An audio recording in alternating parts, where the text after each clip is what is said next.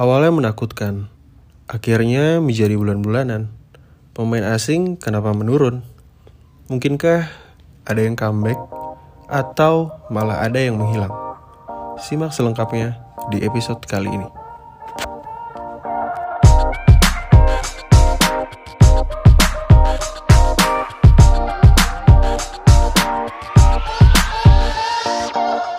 Pagi, selamat siang, selamat sore, dan selamat malam para pendengar setia Abastok. Kembali lagi di comeback season Abastok tahun 2022. Masuk ke episode ke-10. Nggak kerasa juga ya, Chen ya? Cukup konsisten juga ternyata kita. Berdua. Biasanya tuh orang yang bilang kayak gitu, Bu, yang cukup konsisten. Kenapa kita sendiri yang ngomong sih? Lu gimana? Soalnya kan kemarin kita ngilang 5 bulan, 4 Iya bulan. bener. Ngilang, jadi ya udahlah. bener. Udah udah cukup Bener. konsisten. Seminggu dua kali dulu lah kan. Kalau misalnya tahun lalu Iya. kan kita seminggu sampai tiga kali empat kali capek juga sih. Ya kan? Iya, tapi Ya. untungnya eh, kita di minggu ini sangat produktif ya. Udah tiga kali episode kalau nggak salah. Ya karena Dan Anda sedang bakalan- habis operasi ACL, jadi Anda di rumah terus. Betul. Dan eh, kebetulan juga ini kita kebetulan di hari ini, eh, di- sorry di hari kemarin ada game yang di postpone seharian dan di hari ini juga eh, akhirnya postpone diperpanjang ya. Iya, ya ini Sampai kita tag di ya. tanggal 3 Februari tahun 2022 di mana IBL Ya. memutuskan akhirnya eh, serinya ditunda sampai hari Sabtu nanti. Eh, diteruskannya kayaknya di Bandung lagi ya, Chen. Kayaknya di Bandung lagi. Ya ya ya ya. Diselesain dulu Jadi seri duanya seri- gitu. Diselesain dulu. Seri ketiga di Bandung bisa dibilang gitu ya atau gimana? Seri duanya diberesin dulu. Nanti ke Jogjanya mungkin bakal diundur. Tapi seri dua ini yang pertandingan kemarin dipospon mungkin akan diselesaikan gitu. Di diatur jadwal ulang lah oleh IBL. Oke. Oke, Oke. Nah, oke. kita Jadi hari ini- jadi ibaratnya ada jeda yang panjang ya. Jeda yang panjang ini kita lihat dulu seminggu ya. Kalau seminggu mungkin udah pada negatif semua, mungkin bisa dikasih waktu 3-4 hari untuk mereka recovery dan akhirnya ya, mungkin bisa jalan, jalan lagi gitu liganya. Betul, betul, betul, Gitu. betul. betul. Dan kita hari ini Yes. Chen gak berdua aja. Kita Betul undang aja sekali. ya, biar ada beda beda angle aja sih kalau kalau menurut gue ya Iya. harus harus ada yang beda lah gitu. Iya, kita ini hari akhirnya ini kita ngajak- bisa ngobrol bareng mereka berdua nih. Ada Iya. dua teman-teman Abbas yang kita udah cukup sering kayaknya kotak-kotakan lewat DM dan Iya, akhirnya sama. bisa ngobrol langsung karena sebelumnya memang udah pengen ya kita ngobrol sama teman-teman Abbas Talk cuman memang baru kesampaian di hari ini Yoi. gitu. Yuk kita Ini sambut aja kita ada Daniel, kenalin aja ya. Daniel sama Hansel. Halo. Wih. Halo, halo, halo. Yo, Halo. Ini satu-satu dong kenalin dulu maksudnya eh, nge- apa ngikutin IBL dari kapan? Terus suka sama tim apa gitu. Dari siapa Daniel dulu kali? Oke. Halo semuanya, aku Daniel Teguh Lomuan. Eh, aku kuliah kebetulan mau masuk semester 4. Terus tim IBL yang aku suka itu ada dua sih sebenarnya, Prawira sama Dewa. Wih. Udah ngikutin dari Prawira kapan sama berarti, Nel? Ngikutin IBL. IBL itu dari eh, pertama sih awal-awal dengar-dengar doang nama Mario Wisang, Romi Chandra, dan Rogun. Hmm, Aku bener-bener fokus ngikut tuh 2019 akhir, bener-bener akhir 2019 mau ke 2020. Makanya dari dari situ 2020 jual tiket IBL langsung nonton di seri Jakarta yang di Mahaka kemarin yang 2020. Oh, Oke. Itu Oke. udah cukup lama lah ya, Bu ya? Udah cukup lama dan di- Daniel kan masih Betul. muda juga dua lahiran tahun 2002 ya Nil ya. Betul 2002. Ya kayak next next. 2002. Hansel. Oke, Hansel, oke. Hansel. Hansel. Perkenalkan nama aku Hansel, aku dari Surabaya dan tim IBL yang aku suka ya Pacific Cesak deh, satu, satu, satu kota sama aku soalnya. Dulu kayak kayak Widi ngomongnya Chen. Iya benar. Ini banget ya, khas banget ya. Medo-medonya Surabaya banget. Lu lahiran Iya, iya, 2005. Hansel. Iya, iya. 2005 Oke. Chen. Oke. Aku mulai, Berarti mulai ngikuti IBL dari 2019 deh. Oh, pas tapak juara. oh, oke. Iya benar benar benar. Oh, oke. Oke, baru-baru ini berarti ya. Ya, tapi kenapa Iya. lu Pasifik? Gue gue penasaran kenapa Pasifik? Kan Pasifik udah lama nggak juara juga. Ya, aku kenal sama pemain-pemainnya dan aku ya sering latihan di sana di tempat sama di tempat Pasifiknya. Pasifik kan ada akademiko. Oh. Iya, ada. Betul. Oh sering latihan di sana. Ya, Jadi jadi lebih suka timnya gara-gara kedekatan aja ya, kedekatan kepada timnya ya. ya mungkin deh. Eh, masuk akal, masuk akal. Masuk akal. Ya udah, udah pengenalan singkat da- eh, dari Yes. Hansel sama Daniel. Hari ini kita mau bahas tentang eh, problematika pemain asing ya. Karena eh, nggak dipungkiri juga ya Chen ya di season 2022 ini pemain asing merupakan salah satu faktor penting lah buat keberlangsungan tim eh, 16 tim yang ada di IBL saat ini. Kalau misalnya nggak ada pemain asing mungkin ya itu lagi mungkin yang bakal berkuasa ya Chen ya. Tim-tim itu lagi mungkin. Iya, iya, iya. Karena dari Dan- pemain asing sekarang jadi agak berbeda ya.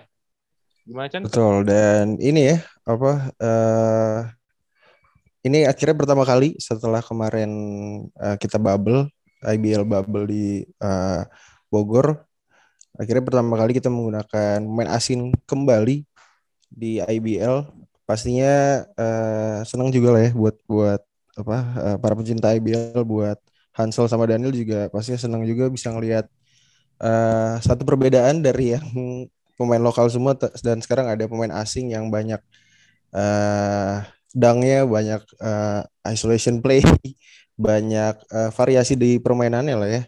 Dan ya tapi eh, kalau gua eh, kita lihat sudah hampir masuk eh, kedua seri memang eh, ini ya ada sedikit eh, per- timpal dari eh, pemain asing yang eh, fine, pemain asing yang langsung cocok dengan timnya, sama beberapa pemain asing yang sepertinya agak struggle di awal-awal. Ya, ya, ya pastinya ya.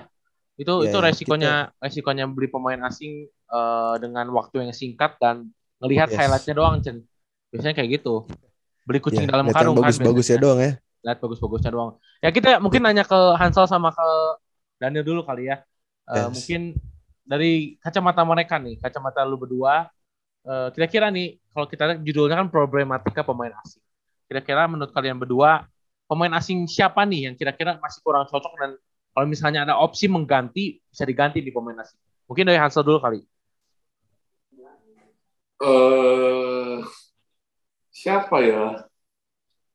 Aku kurang tahu pemain asing sih, tapi kalau yang aku tahu pemain asing yang bagus ya sama gitu yang dia hang tua itu namanya Anton Waters gitu aku agak lupa namanya. Ya, Anton Waters. ya. Iya. Oke, iya. ya dia terus, oke terus. sih. Terus dan aku merasa kalau kalau salah aku baca kalau pemain asingnya sama Rans gitu masih kurang gitu, mungkin perlu diganti di pemain asingnya Rans. Hmm. Dua pemain asing itu ya.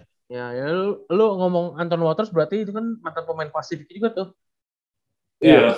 Makanya lu tahu ya. Pernah ditawarin katanya dulu. Ingat aku. Eh, Oke, Oke, kalau oke, menurut oke. Hansel berarti dua pemain asing Rans yang kayaknya masih kurang ya. Kalau kata Iya. Hansel ya. Kalau Daniel? Aku eh, pertama sih mau spotlight dulu ke pemain asingnya Ranspik ya. Yang dua orang itu Hayward Shane sama Jalil Abdul Basit. Oke. Kayaknya kurang efektif ad- eh, kalau dibandingin Ranspik main full lokal. Yang senternya Agus Salim sama giliran diganti itu pola pemain pola mainnya kacau. Jadi giliran eh, pokoknya main passing bolanya tuh terutama dari misalnya lagi offense ke defense transisinya gitu. Jadi agak kacau banget kalau giliran dipegang eh, misalnya PG-nya Coke, Hmm. senternya Gus Salim dan semuanya, semuanya full lokal masih bisa jalan. Kalau misalnya mere- antara mereka dua itulah giliran mau main offense, terus tiba-tiba stuck di di luar, selalu stuck di luar. Aku perhatiin udah berapa tiga kali main pas mereka mau nyerang, pokoknya kan is- isolation dulu dari tengah, mentok ke geser ke agak ke kiri dikit, Hmm. si pemain asingnya itu mikir dulu kalau misalnya yang itu kan kalau full lokal misalnya tinggal tembak tembak tembak Bima Riki tinggal bisa tembak Coki bisa tembak. Ini enggak jadi di holding dulu sama pemain asingnya. Paling Yeah, yeah, sama yang ini uh, pemain asing Tangerang Haw- Hawks yang si Richard Ross.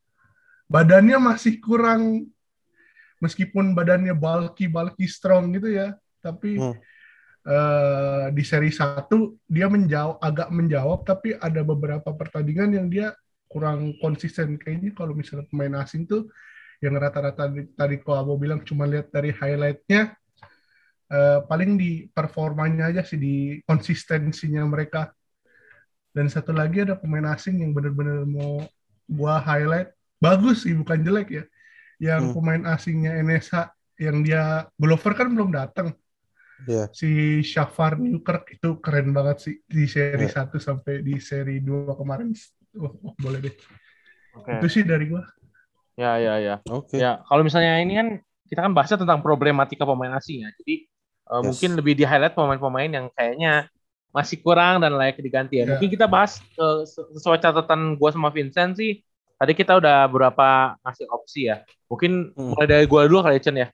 Gua Boleh, mau bahas boleh, boleh. mungkin dari pemain Rans kali ya, pemain Rans. Eh, yang gua ngelihat eh, grafiknya makin turun sih ya, jelas Jalil Abdul Basit ya. Karena eh, bukan hanya gua aja, mungkin teman-teman Abbas atau Hansel, Vincent atau Daniel betul juga ngeliat lah gimana eh, caranya Jalil bermain. Karena Jalil ini katanya sih kuatnya adalah di drive, cuma eh, berapa sequence emang dia lebih banyak ngasih step back dia dan nembak-nembak terus kalau gue lihat terus ya betul di di runs ya. Sedangkan itu bukan kekuatan utama dia. Sedangkan kalau satu lagi Hasan Hayward menurut gue grafiknya agak menaik nih walaupun si Rans eh, dari segi rekor mungkin nggak terlalu bagus ya dua sama eh, dua kemenangan dan tiga kekalahan.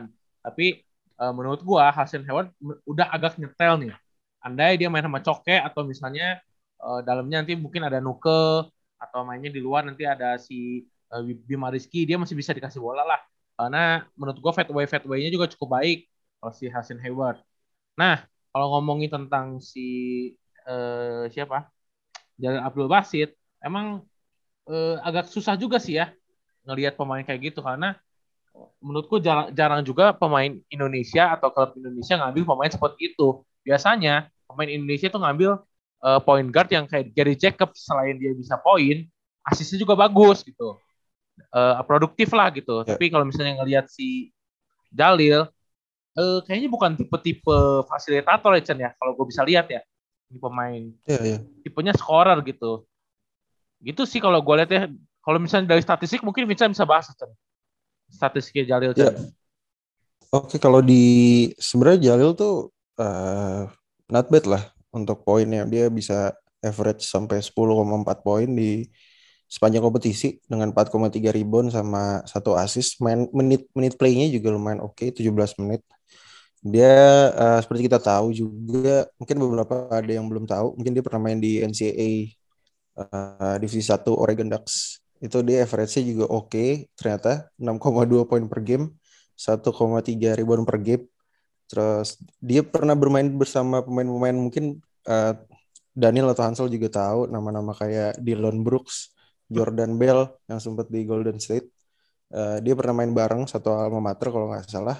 Buat gue sih sebenarnya ini masalah kayak dia pertama kali main di Indonesia nih, main di IBL baru eh, tahu cara bermainnya eh, seperti apa dan baru kalau gue nggak salah ya tiga bulan kan berarti ya gue ya dia mereka ketemu ya Iya, baru tiga bulan. ya baru tiga bulan Bahkan kurang waktu deh, yang tiga bulan sih dua kurang. bulan malah ya Kurang.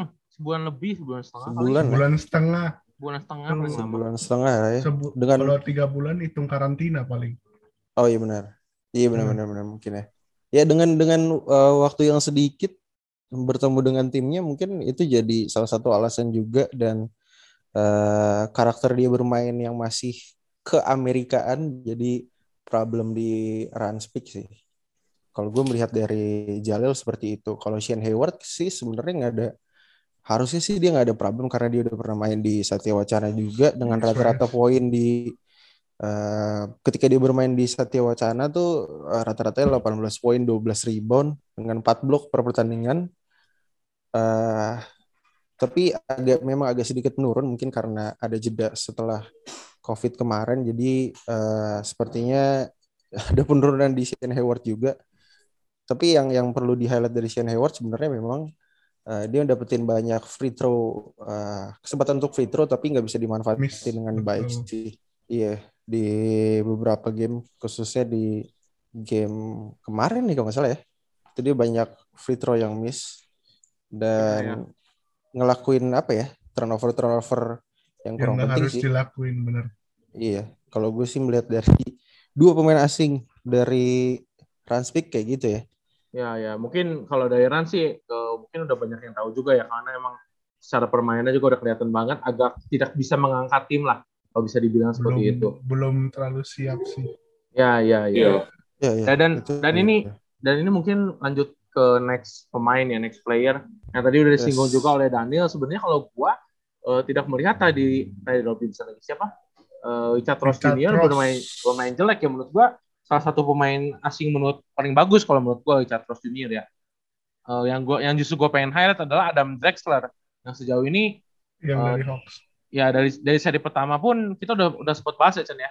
Kalau Adam Drexler ini sebenarnya eh, di antara Yes. nggak bisa nggak bisa adjust sama timnya atau emang eh, Tangerang Hawks-nya emang ngeberi nama besar doang nih gitu. Karena dari Anak- nama- anaknya Clyde Drexler Ya dari segi nama ya oke lah mata pemain NBA cuma kan kita lihat dari permainannya kayaknya eh, dia nggak bisa adjust sama sekali ya kalau menurut gue ya karena cuma nembak-nembak ruang juga kerjaannya gitu.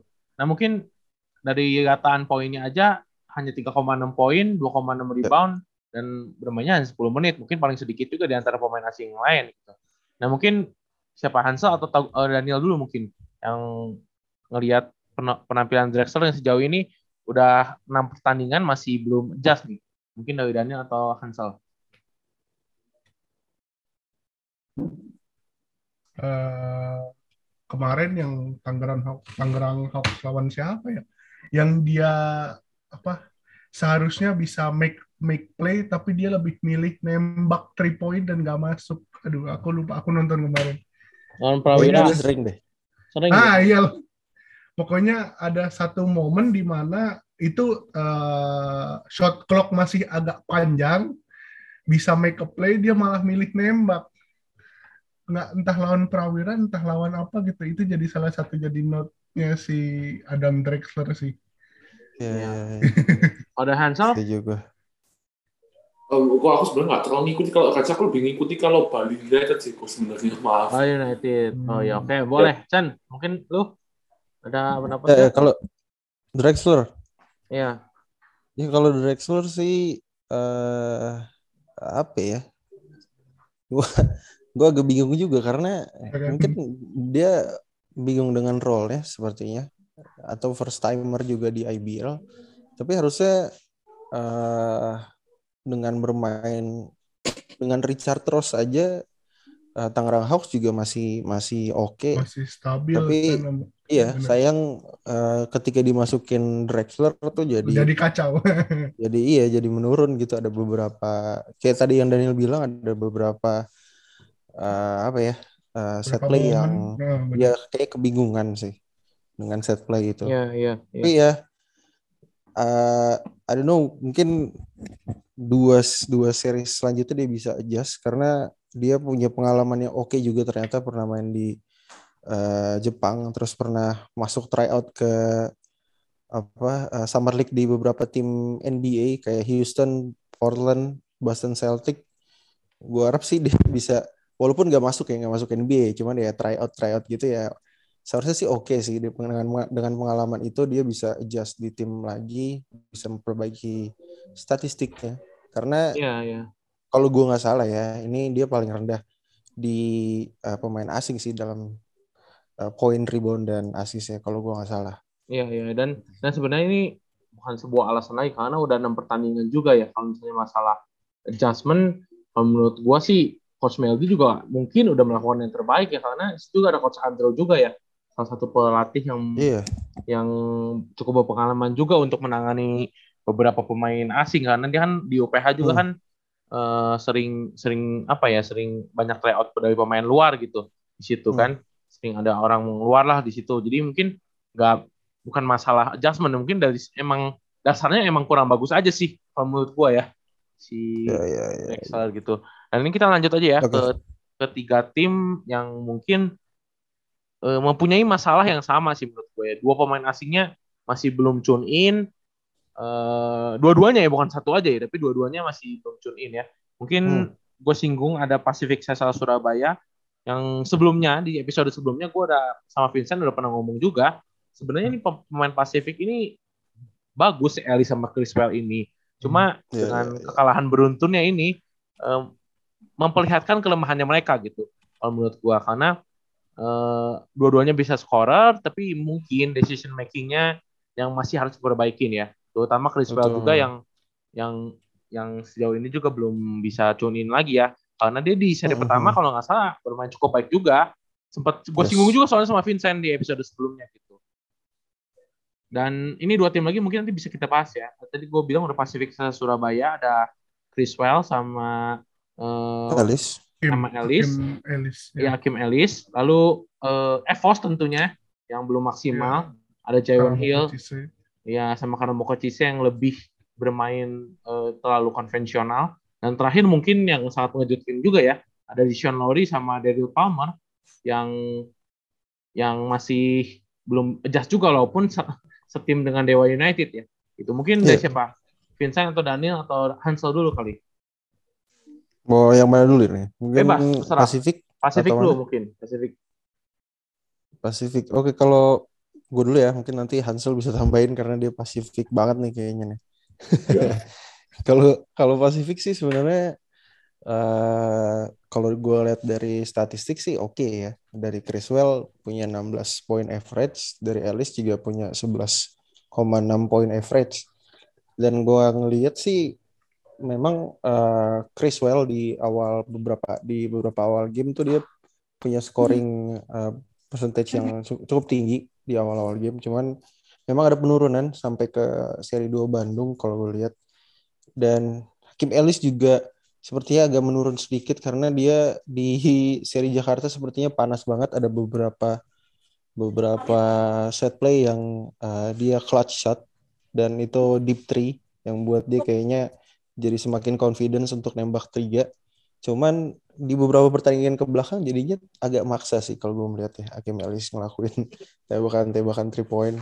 Cuman uh, sangat disayangkan ketika Pacific Cesar masukin Well jadinya agak uh, menurun karena sedikit susah untuk penetrasi sepertinya Well melihat beberapa uh, lawan-lawannya yang juga punya size cukup besar di beberapa game terakhir. Cuman uh, sekali lagi Criswell uh, talented small man sebenarnya ketika dia bermain di uh, D1 NCAA di Nevada University dan uh, Ellis juga sebenarnya uh, juga punya apa ya punya uh, D1 player juga di Copeland State punya pengalaman juga dan Ellis juga pertama kali di uh, first time di IBL dengan uh, performanya di awal-awal menurut gue oke okay sih. Cuman ya perlu diperbaiki beberapa turnover sorry beberapa pencobaan tembakan-tembakan yang buat uh, Pacific Caesar kehilangan momentum sih menurut gue gitu sih. Mungkin kalau dari Hansel atau Daniel ada tambahan? Uh, kalau menurut aku malah justru malah pemain asingnya tuh Pacific itu sudah bagus malah. Dari apa yeah. Dia kalau latihan dari YouTube-nya Coach Moses kan, menurut aku mereka sudah bagus. Cuma hmm. menurut aku justru yang bikin mereka kalah itu gara-gara pemainnya lokal Pasifik malah kurang malah. Kayak secara hmm. akurasi shooting atau rebound gitu masih kurang. Makanya kayak tidak terbantu, kurang terbantu gitu. Ya, ya, ya, ya. Ya mungkin uh, di apa namanya kemarin kan juga ada apa kasus dari beberapa pemain Pasifik juga kan mungkin Oh kalau iya. Misalnya aku nambahin. Mungkin itu pemain yang hilang nah, Kan salah satu kalau nggak salah waktu di bubble ya di PC Pacific Cesar itu salah satu pemain kuncinya itu ada Gabriel Senduk yang make a play banget di antara ya ada Yonathan Kai juga gitu kan. Nah, masalahnya kan kemarin juga beberapa pemain yang kena match match fi, apa match fixing, fixing kalau nggak salah. Yeah. Ya. Mungkin itu salah satu pengaruh yang tadi Hansel bilang yang pemain lokalnya uh, kalau dilihat-lihat masih egonya masih tinggi terus ya bener sih kalau misalnya pemain si Tyron yang tadi yang Chriswell itu juga oke dari seri seri pertama pun Pacific Star main Iya. dia bahkan make make make a play banget bahkan Iya, iya, emang emang udah sempat kita bahas juga emang ini dua pemain yang scorer juga ya, Neil ya, sama Hansel bener, juga. Bener. tapi emang kita lihat ada penurunan juga ya. Kalau misalnya di sih menurut gua eh, dari ini aja sih decision makingnya aja ya. Gua dari dua pemain ini Gimana? karena kalau Akim Ellis tuh kayak dia mau dia dia seharusnya di yang tadi kau Abo bilang kalau misalnya nggak eh, kan tadi Bang Vincent ngomong dia pede ngetri. Nah egonya dia tuh kayak yang tadi bilang dia panas tri nih seharusnya bisa ditahan dulu gitu kayak ya, ya. mending sih mending begitu daripada maksain tri terus daripada tri average tri-nya nanti nggak masuk nggak nggak oke juga malah grafiknya turun juga nanti juga evaluasi buat timnya kan juga gitu lah. Ya, ya. Oke, mungkin dari Pacific mungkin itu aja. Next eh, dari Evo Standard ya. Sebelum kita bahas ke Dewa United yang sebenarnya secara secara pemain asing ini mungkin dua pemain asing Dewa United ini sangat bermasalah ya. Karena dia Ya, ketutupan juga sama Caleb sama Ius jadinya Iya, agak kemanipulasi lah gitu. belum lagi ada Jamar. Iya, apalagi dari zaman kita bahas Evos dulu sebenarnya yang eh, dua pemain asingnya cukup banyak dapat sorotan juga selain Rans ya. Ada Jaiwan Hill sama eh Karamoko Karamoko Chise. Chise. Eh, gue sempat singgung juga di episode sebelumnya kalau Karamoko Chise ini eh, sebaiknya eh, cukup baik lah eh, dari rataan poinnya. Double digit juga ya Chen ya. Si Karamoko ya. Karamoko Ya. tuh 11 poin. Ya, ya, ya. Dan beberapa play emang beberapa play dia emang cukup bagus juga ya kalau menurut gua. Tapi yang gua sangat sayangkan dari uh, Karamo Karamo Kochisa dan Jaiwan Hill adalah eh, mungkin kedua pemain ini bukan kedua pemain asing yang dominan dalam tanda kutip ya dominan untuk menjadi alpha male-nya Evos gitu. Biasanya pemain asing itu harus punya apa ya punya arwah lah atau arwah bukan arwah nyebutnya apa ya? Eh, karisma ya Harus jadi karisma. shot shot color mungkin Iya, shot iya. color dalam tim benar. ya karisma karisma buat di tim lah dan menjadi alpha male-nya di tim gitu. Dan gue lihat kedua pemain ini masih belum bisa nunjukin itu. Mungkin ya, karakternya juga bukan pemain utama ya kalau menurut gua. Dibandingkan kayak misalnya kita lihat ada Austin Mofunanya di Blue Borneo terus ada eh siapa lagi eh Shafa Newkirk Dior gitu Lockhart. ya Lohon gitu kelihatan gitu maksudnya mereka emang bisa dominasi tim ini dan memimpin tim ini gitu nah, kalau misalnya Jay, Jay, Jay- Jaywan Hill dan Alamoko Chase ini mungkin masalahnya di situ ya emang dari karakternya aja belum cocok aja sih untuk menjadi memimpin atau memimpin tim ini gitu tim Evos gitu. mungkin dari Vincent gimana Chen? Ya kalau gue sih eh sebenarnya Jawan Hill dan Karamoko Chise nih pemain yang bukan yang bukan yang apa ya bukan yang minim pengalaman sih. Karamo, si Jawan Hill ini udah pernah main di Kanada NBL NBL player juga pernah main di Vietnam pernah main di Cyprus. Dia punya pengalaman yang oke. Terus Karamoko Chise juga pernah main di D1 NCAA juga dengan eh walaupun dia bench player cuman apa ya perlu mungkin first timer juga kali ya di IBL jadi eh, agak sedikit problem. Cuman yang gue ngeliat dari sistem play dari eh, Evo sendiri sepertinya masih eh, agak bingung ketika eh, Evo standar ini kehilangan dua center utamanya itu kalau nggak salah si Hosbah sama eh, penggantinya itu kan substitutionnya Kayaknya William Eh, Vincent. William bukan sih? Setahu gua. Iya, iya. Iya, ada William. Rivaldi Vincent kan? Betul. William Hmm. Rivaldi Kosasih ketika dua pemain itu melakukan banyak foul, melakukan banyak turnover, mau nggak mau ya Karamoko Cisse atau Jaywan Hill tuh gantiin perannya mereka. Jadi kayak gue yang biasa main forward, gue yang biasa main jadi small forward atau power forward harus bermain untuk center jadinya agak agak bingung role nih mereka berdua dan ya itu terlihat dari uh, statistik mereka berdua sih. Maksudnya nggak terlalu oke di beberapa pertandingan. Terbukti si Jaywan Hill juga 7,8 average-nya poin. Karena Kotisi tadi udah bilang lebih dari 10 walaupun cuma 11 doang. Tapi memang ya perlu adjustment lagi sih. Kalau misalkan di big man terutama di big man Evos ini uh, kalau misalkan uh, dua pemain ini dua pemain tadi yang gue bilang center tadi kehilangan uh, jati dirinya terlalu banyak foul terlalu banyak turnover uh, coach dari Evos sih memang harus putar otak lagi buat uh, si pemain asing ini jadi lebih efektif sih kalau gue ngeliat kayak gitu. Gitu. Kalau dari Daniel mungkin Tansel ada Eh, tambahan? pal- paling yang pemain big man yang Evos itu kan tambahan kayak ada Tri Hartanto gitu kan. Tri Hartanto juga belum kelihatan belum balik ke performanya juga katanya kan masih Oh, cedera iya. juga. Ya tadi paling Karamoko Chise yang maksudnya yang masih bisa make a play lah kayak J1 Hill giliran kalau nggak salah ada eh, eh, komentator tuh waktu pertandingan Evos kan aku sambil nonton sambil kuliah juga Hmm. jadi di suara komentator tuh kalau pas Evos main eh, dia nyebut pemain asing tuh sedikit paling banyak tuh kalau nggak Padre Hosba, Oh, Daniel Wenas. Nah, pemain Ya, asing ya, itu ya. masih ke cover sama mereka. Jadi ya. kayak paling Karamo yang tadi benar sih aku setuju sama Bang Vincent. Karamo Ya. Kocise yang masih mending daripada si J J namanya? J1 Hill ya. J1 Hill, ya. Kalau nggak salah Itu dan komentatornya ini enggak komentatornya manis manja nggak? Nil, pas lu Eh, denger suka nyebutin manis manja nggak? Kalau manis manja kan itu eh, terakhir-terakhir. Oh, terakhir-terakhir ya? Iya. Iya, iya, iya, kan terakhir-terakhir. sebelumnya apa eh, Om Econ dulu ya sama Om satu lagi iya Betul, betul sama Bung Ridwan biasanya ya. sama Bung Ridwan terus eh, seri Jakarta terakhir kenapa kaget gitu kan kayak familiar sama suara komentator ya eh bener Nah. Eh, by the way ini ganti ganti rekaman dulu udah ganti tuh linknya udah gue pilih. Ya, udah mau habis nih. Kita Ya, tinggalin oke, dulu oke. ya.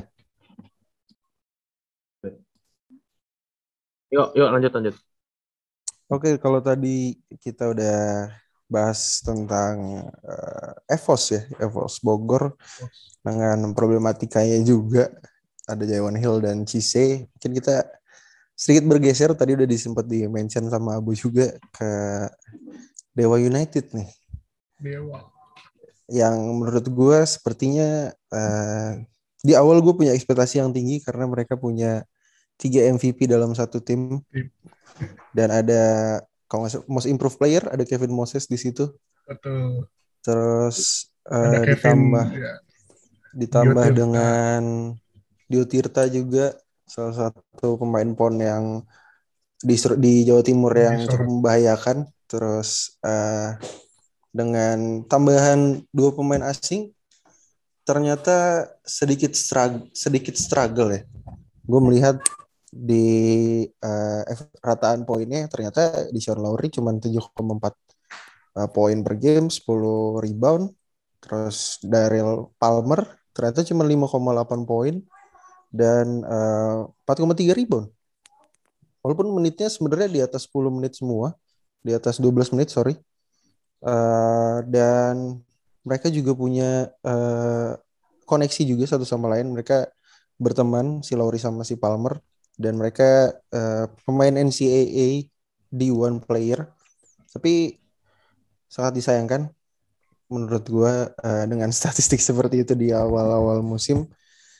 Mungkin ini memang apa ya jadi dengan MVP eh, dalam satu tim jadi beban menurut menurut gue mungkin.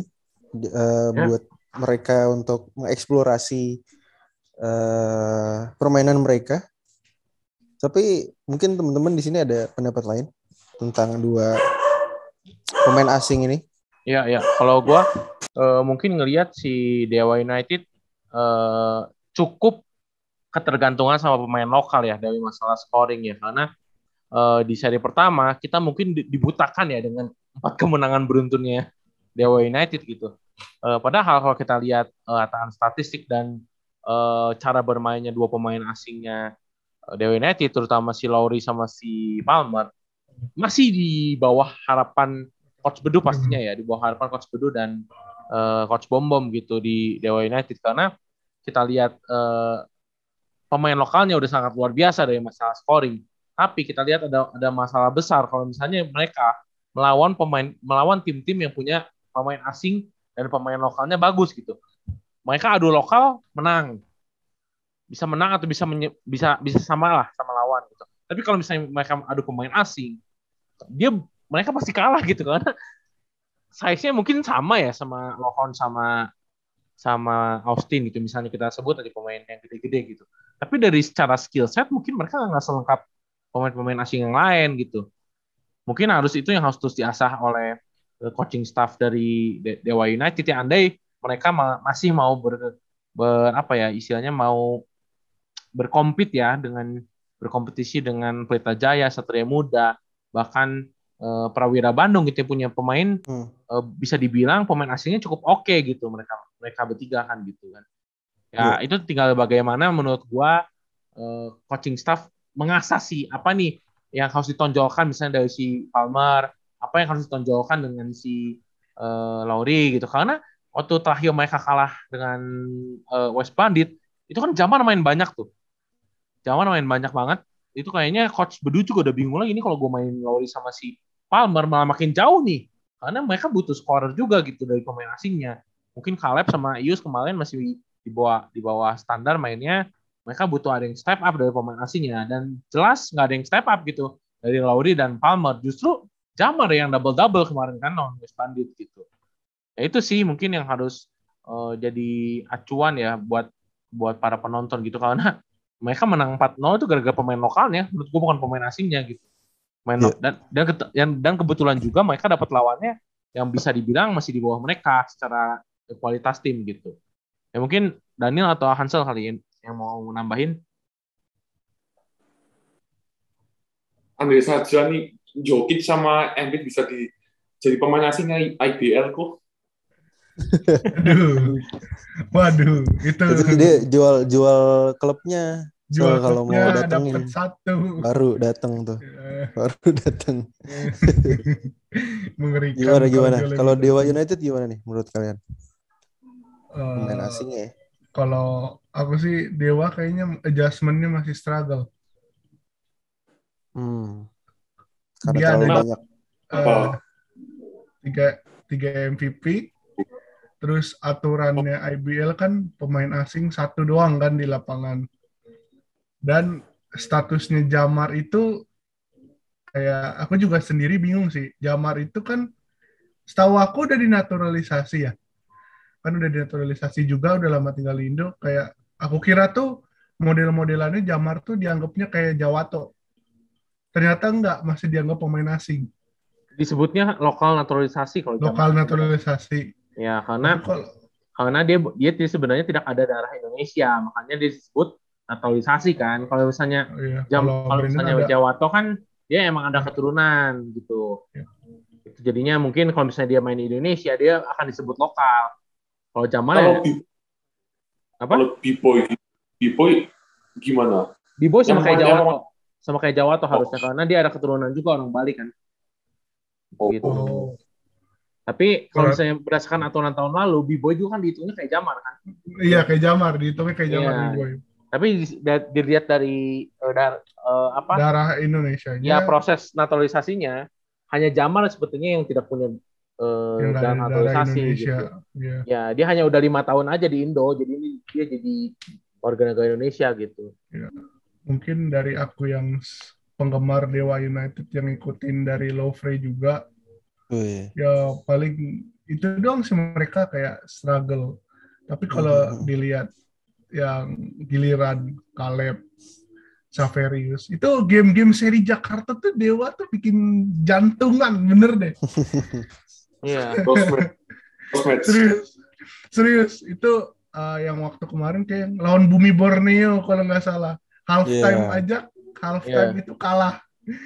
Terus tiba-tiba uh, pas aku nonton lagi, wih, selisihnya juga lumayan kan. Jadi yeah, aku, aku yeah. pikir terus dapat kemenangan beruntun juga uh, yang paling step up sih paling Caleb sama Ipman ya. Master yeah. Ipman. Iya, yeah, dan waktu di Ya dan waktu menang lawan Borneo juga kan yang main bagus kan Saverius ya. Iya. Gitu kan. Jadi emang kembali lagi emang lokalnya emang lebih bagus gitu. Dan itu menjadi kekurangan Dewa sendiri ya. Udah sempat gue singgung juga tadi. eh, jadi manipulatif lah gitu. Ini tim bagus secara rekor, tapi secara tim dan pembagian eh, porsi poin menurut gue masih sangat jomplang gitu. Harus dirata lagi lah. Ini ya PR coaching staff sih. Gimana meramunya nih supaya Adjustment-nya ya. ya supaya cocok nih misalnya Caleb sama ini cocoknya sama Lowry atau mainnya cocoknya sama si Palmer gitu. Itu masalah coaching staff kalau menurut gue. Yes, setuju, setuju, setuju, setuju, setuju. Gitu. Dan Eh. Ya, Elijah Foster tim tim mana kok kok agak lupa gitu. apa? apa? Kenapa? Elijah Foster yang yang rambutnya agak keribut bau agak aku agak lupa. Satria Muda. Oh, Satria SM, Muda. itu di SM. Satria Iya. Muda dia. Yes, Satria Muda. betul. Kenapa kenapa ada pendapat tentang Elijah Foster? Mungkin Hansel. Itu monster rebound sih. Iya, menurut aku masih belum terdevelop aja kayak misterinya, makanya masih belum terlalu bagus banyak. Hmm. penyesuaian. Oh. Bukannya Foster Eh. itu pernah main juga ya di eh SM. Pernah pernah di eh, Satria iya Muda kan di tahun 2020. 2020. Ya, sama Sama, Gary si Jacobs juga. ya Gary Jacobs. Ya, Jadi jadi dia emang sih sejauh kedua. ini leaderboards di rebound ya dengan Rebound 12,4 kacau rebound. kemarin kemarin 20 eh berapa sih rebound itu yang waktu SM Ya. comeback ya karena Ya, karena tapi ini ya apa? Dan agak eh, disayangkan ternyata rekan pemain asingnya salah- yang satu lagi William Tinsley, Tinsley sebenarnya agak ada kurang potensi. ternyata iya benar Hmm, hmm, hmm. di nggak terlalu statistiknya. nggak terlalu dikasih minute play juga kalau aku lihat tuh di SM Iya, iya. Kalau kalau karena benar kan ya kebendung sama lokalnya juga sih sebenarnya ya kalau Iya, aku iya. lihat Ya kalau kalau misalnya kalau misalnya menurut gua sih William Tinsley eh, tadinya opsinya kan opsi terbaik dari yang terburuk ya karena William Tinsley kan udah pernah bermain di Indonesia di juga, udah pernah Iya. main Prawi- sama Prawira juga. Ya mungkin melihat coaching staff emang ini orang kalau di Prawira musim-musim eh musim pertamanya emang nembaknya bagus banget si William Iya. Tinsley ini. Dan dari ya dan segi da- dari segi size pun bagus gitu William Tinsley. Karena kalau menurut gua coaching staff SM ngeliat eh, dia udah nggak butuh tuh point guard point guard kayak modal Gary Jacobs terus ada dulu ada siapa sih yang yang apa asingnya SM yang pendek tuh Taekwondo, Taekwondo. bukan kok Taekwondo jelek yang Eh. dulu si siapa sih Chen yang menang dang kontes itu aduh namanya tuh siapa lah pokoknya yang dulu lah yang Iya, yang sama dia lupa nih. yang sama dia Lohon bareng lah itu Iya, Nah, dia kan dia, dia kan suka ngambil-ngambil pemain asing yang eh, point guard kan tadinya gitu. Tapi dia Mhm. udah beralih ke sini karena dia tahu dia udah, udah punya ada Erga, punya Hadianus dan Hmm. ada Ari Febri gitu. Tapi di tengah musim kan sebelum musim mulai, mereka kan Hadianusnya cedera, Hadianusnya cedera gitu. Nah di situ mereka dapat struggle tuh. Ketemu pertamanya SM lagi. Nah situ kan tugas beratnya Erga dan sempet di Ketemu PJ, ketemu PJ dong. Iya, PJ, ketemu ketemu PJ PJ. iya. Ketemu PJ SM ketemu SM SM ketemu Iya. SM. SM ketemu PJ yang lengkap gitu. Dan mereka kan sebenarnya dia tidak ngambil point guard karena emang udah cukup komplit dari segi point guardnya udah ada Erga sama Hadianus tadinya. Makanya sayang banget Hadianusnya cedera gitu. Jadinya mereka cukup struggle juga. Akhirnya William Tinsley-nya nggak dapat menit. Akhirnya yang dipaksa jadi point guard dalam tanda kutip Avan Seputra gitu. Karena di di seri pertama kemarin emang Avan bermain yang menurut gue cukup baik lah. Karena dia salah satu ball handler juga yang bagus juga gitu. Makanya kemarin William Tinsley menurut gue sangat buruk ya di seri pertama gitu. Kemarin di seri Bandung lumayan lah dia. Karena emang udah menang jauh juga kemarin kan lawan tua gitu. Hmm.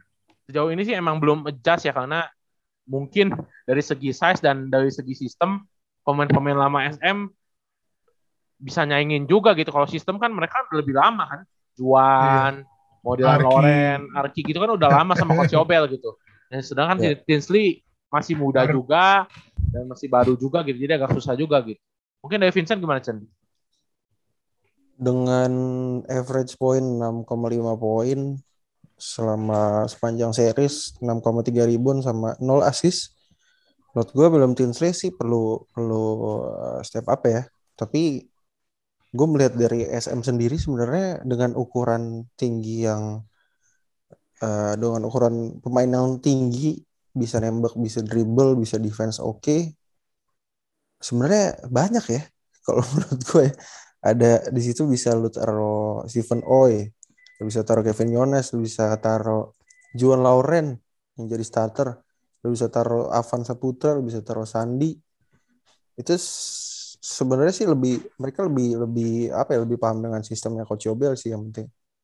Dan sayang aja sih Tinsley minitnya jadi kurang karena juga uh, role-nya sih masih agak bingung kalau gue ngeliat. Cuman ya nanti kita bakal uh, lihat. Gue yakin Coach Obel punya ramuan sendiri kepada si Tinsley ini. Semoga dia bisa uh, jadi satu pembeda di Satria Muda sih. Gitu.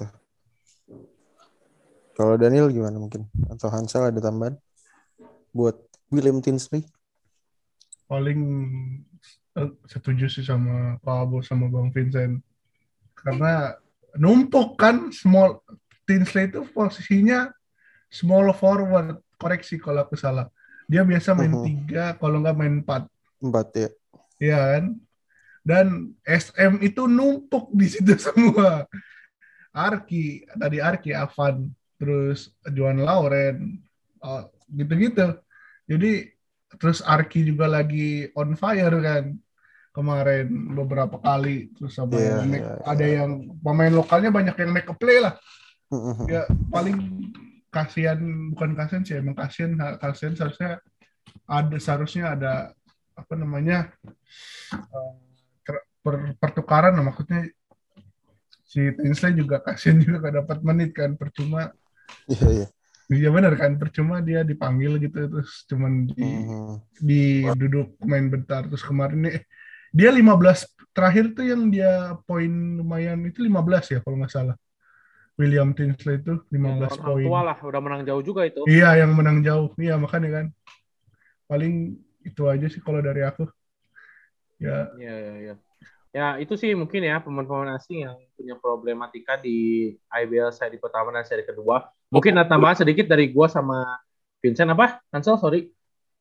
Kalau benar pendapat ya, kalau misalnya kalau pemain asing nggak ada batasan tinggi badan, bukannya bukannya kan lebih menarik nggak? Kalau misalnya pemain asing nggak ada batasan tinggi badan gitu. Oh iya iya. oh iya Ya itu Tinggi sempat sempat disinggung juga ya kalau kalau misalnya tinggi badan karena eh, agak susah juga nyari pemain asing yang di bawah 200 cm sih menurut gua 200 ya. orang luar rata-rata 200 up Iya, iya. Cuma kan cuma kan Iya. itu mungkin eh, biar nggak ada ketimpangan ya dari IBL. Mungkin ada ada pertimbangan itu kali ya Chen. Bisa bisa bisa jadi. Mungkin takut nanti Krista Porzingis jadi pemain Pacific Caesar mungkin Aduh. nanti kan Waduh. dominate gitu kan. Ya nggak akan main di bawah juga kalau Porzingis mah nembak-nembak juga. iya, nembak nembak-nembak juga kan makanya. Joel Embiid main di Satya Wacana kan lucu Iya makanya. Oke lah. Oke cukup ya Bu ya buat pemain Ya. asing ini ya. Ya cukup dan ini mungkin nanti kita bisa bahas di next episode mungkin eh, Ya. ma- masalah si David Atkinson sama Jordan Jacks yang kelihatannya walaupun timnya baru menang tapi eh, dari gestur-gesturnya agak aneh nih berdua nih ya. Tapi nanti kita bisa Hmm. bahas nih. Ini. ya. Oke, thank you Yes. Daniel, thank you Hansel. Thank you Daniel, gabung thank ya. you Hansel. thank you Thank you. Sampai ketemu lagi di next episode mungkin kalau misalnya nanti kita buka lagi ngobrol-ngobrol bareng kalian. Udah, Yes, thank you juga. thank you semua ya, guys yang udah thank you dengerin. thank you Thank you. Thank you. Oke. Ya, Bye. dadah. Bye. Eh,